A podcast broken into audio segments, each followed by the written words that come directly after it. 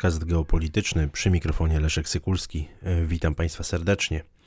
W miniony czwartek, 14 lipca 2022 roku, prezydent Stanów Zjednoczonych Joe Biden i premier Izraela Yair Lapid podpisali w Jerozolimie wspólną deklarację strategiczną, w której Stany Zjednoczone zobowiązały się wykorzystać, jak to określono, wszystkie elementy swojej potęgi narodowej, aby uniemożliwić Iranowi uzyskanie broni jądrowej. Dokument ten noszący oficjalnie nazwę Deklaracji Jerozolimskiej w sprawie amerykańsko-izraelskiego partnerstwa strategicznego ma istotne znaczenie w obecnej zmieniającej się architekturze bezpieczeństwa e, międzynarodowego. Ma oczywiście znaczenie szczególne, zwłaszcza po wycofaniu się takim jednostronnym e, przez Donalda Trumpa jeszcze e, z porozumienia nuklearnego z Iranem, no i z tymi oczywiście próbami w kontekście tych prób, które administracja Bidena podejmowała, aby przywrócić porozumienie nuklearne z Iranem zawarte 14 lipca 2015 roku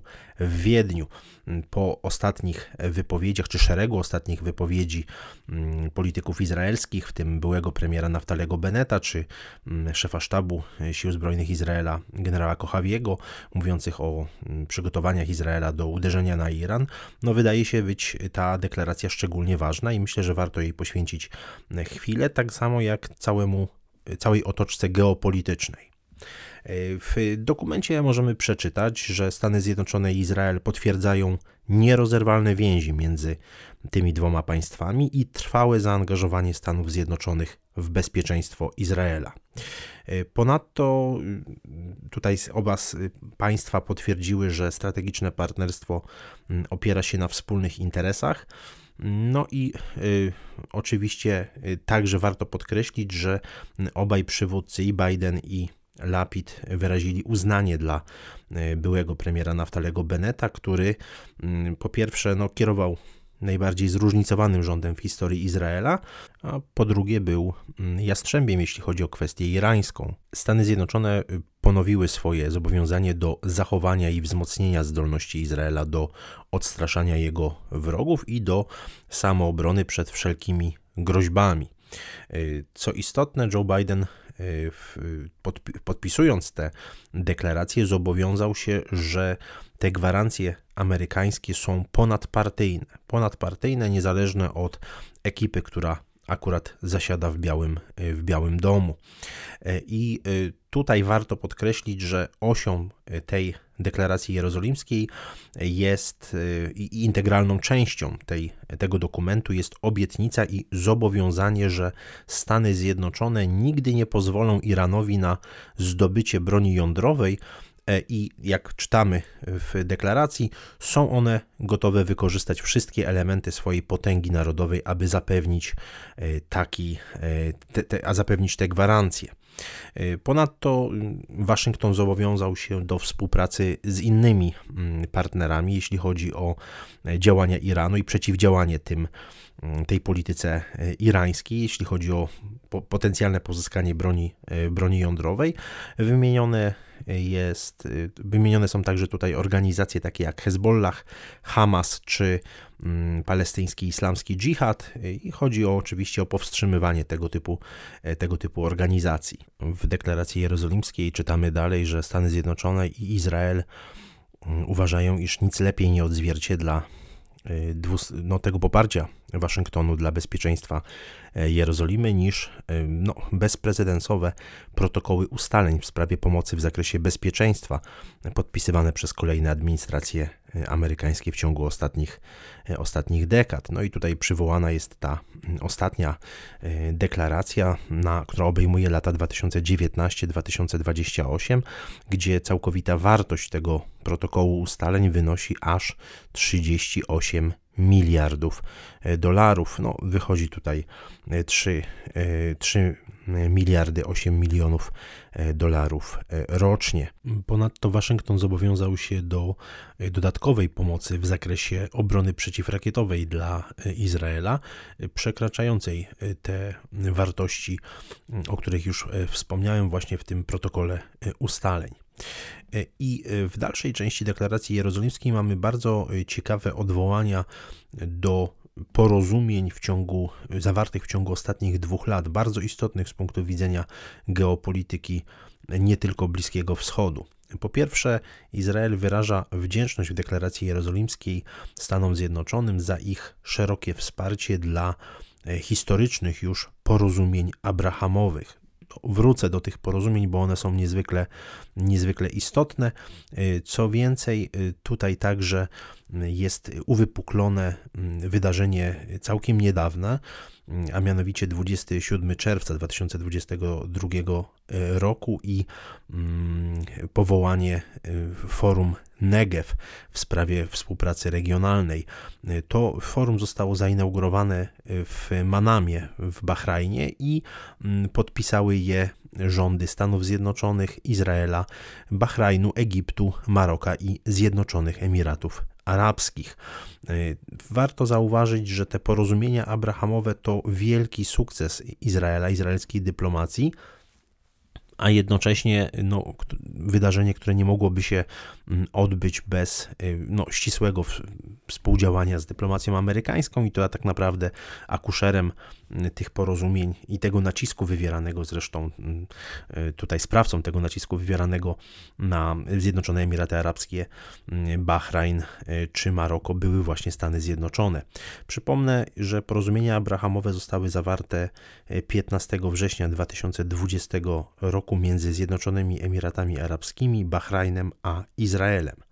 E, dodatkowo warto wspomnieć, że tego samego roku 2020, 10, 10 grudnia zostało podpisane porozumienie z Marokiem. E, otwarto ambasady, rozpoczęła się wymiana handlowa, bezpośrednie loty i ruch e, turystyczny. To oczywiście było wcześniej niemożliwe z uwagi na konflikt izraelsko-arabski. To było wielkie zwycięstwo dyplomacji Izraela z uwagi na to, że przerwano ten bojkot Izraela przez państwa E, przez państwa arabskie. No i też warto oczywiście to mieć na uwadze.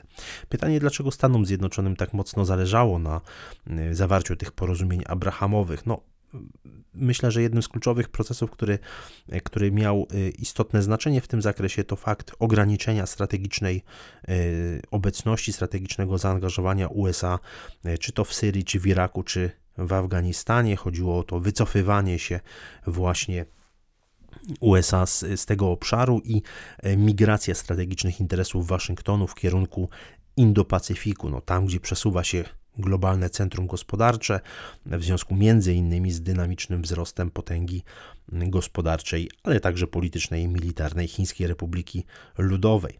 E, druga kwestia to oczywiście globalna transformacja energetyczna, gdzie motorem e, są państwa tak zwanego kolektywnego Zachodu, gdzie zmniejsza się rola ropy naftowej i innych paliw kopalnych, a tym samym rola Bliskiego Wschodu.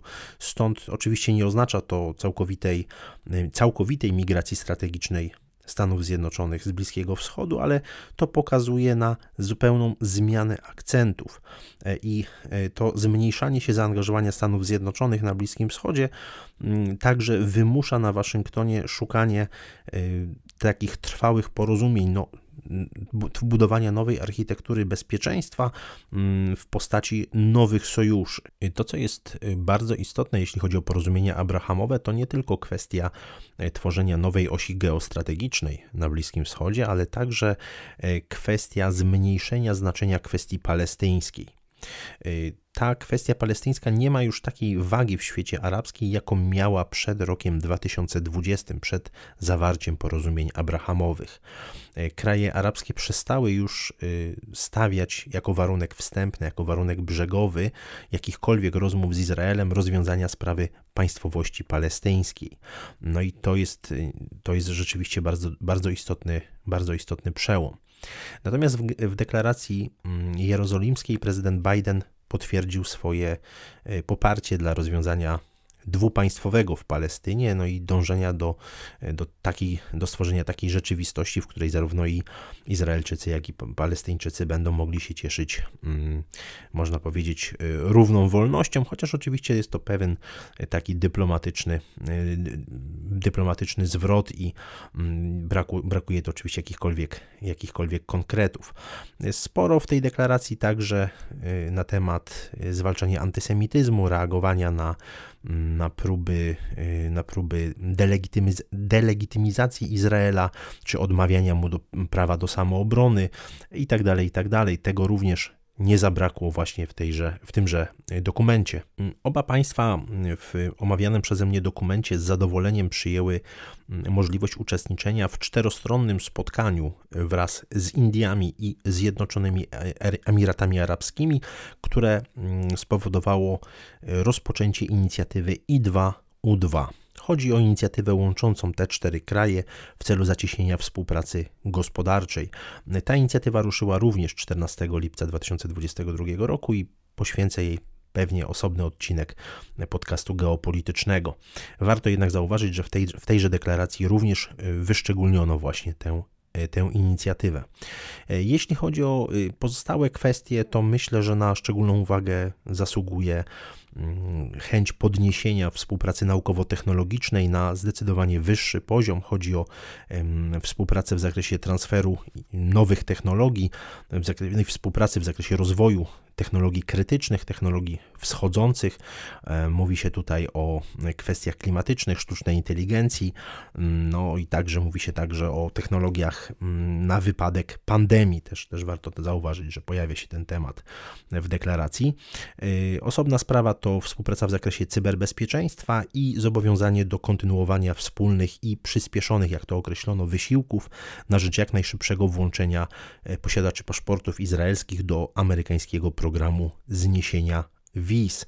Podsumowując deklarację jerozolimską, myślę, że po pierwsze warto zauważyć, że jest to konsekwentna realizacja polityki zagranicznej i bezpieczeństwa Izraela. Mm, polityka, która jest coraz mocniej nakierowana na przygotowania do dużej wojny z Iranem i doskonale wiemy, że tutaj nie chodzi tylko i wyłącznie o przygotowania militarne, gospodarcze, ale także dyplomatyczne i budowę właśnie takiej, takich, takich nowych sojuszy Izraela właśnie z częścią państw arabskich, a z drugiej strony oczywiście niezbędne dla Izraela staje się pozyskanie nie tylko zgody Stanów Zjednoczonych na takie potencjalne uderzenie, ale także bezpośredniego i pośredniego e, wsparcia w tym, e, w tym zakresie. E, w mojej ocenie warto również podkreślić fakt pewnej ewolucji, jaką przeszedł Joe Biden, jeśli chodzi o swój stosunek do kwestii izraelsko-irańskiej.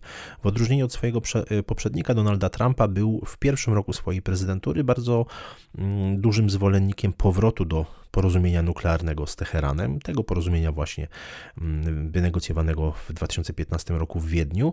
Natomiast y, widać, y, widać tę ewolucję w jego, y, w jego stanowisku i moim zdaniem absolutnie nie było przypadkowe, że dwa dni przed podpisaniem deklaracji jerozolimskiej Jake Sullivan, czyli doradca do spraw bezpieczeństwa narodowego prezydenta Stanów Zjednoczonych, e, powiedział, że e, jego zdaniem, powołując się na źródła wywiadowcze, Islamska Republika Iranu ma przygotowywać się do dostarczenia setek bezzałogowych statków powietrznych dla Federacji Rosyjskiej.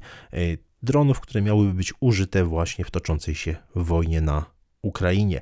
I niewątpliwie jest to y, pretekst, stało się to pretekstem dla Waszyngtonu w celu udzielenia tak daleko idących mm, deklaracji dla y, Izraela w stosunku właśnie do, mm, no w stosunku do kwestii, do kwestii irańskiej, czy do tego, co y, Izrael nazywa właśnie zagrożeniem ze strony Iranu.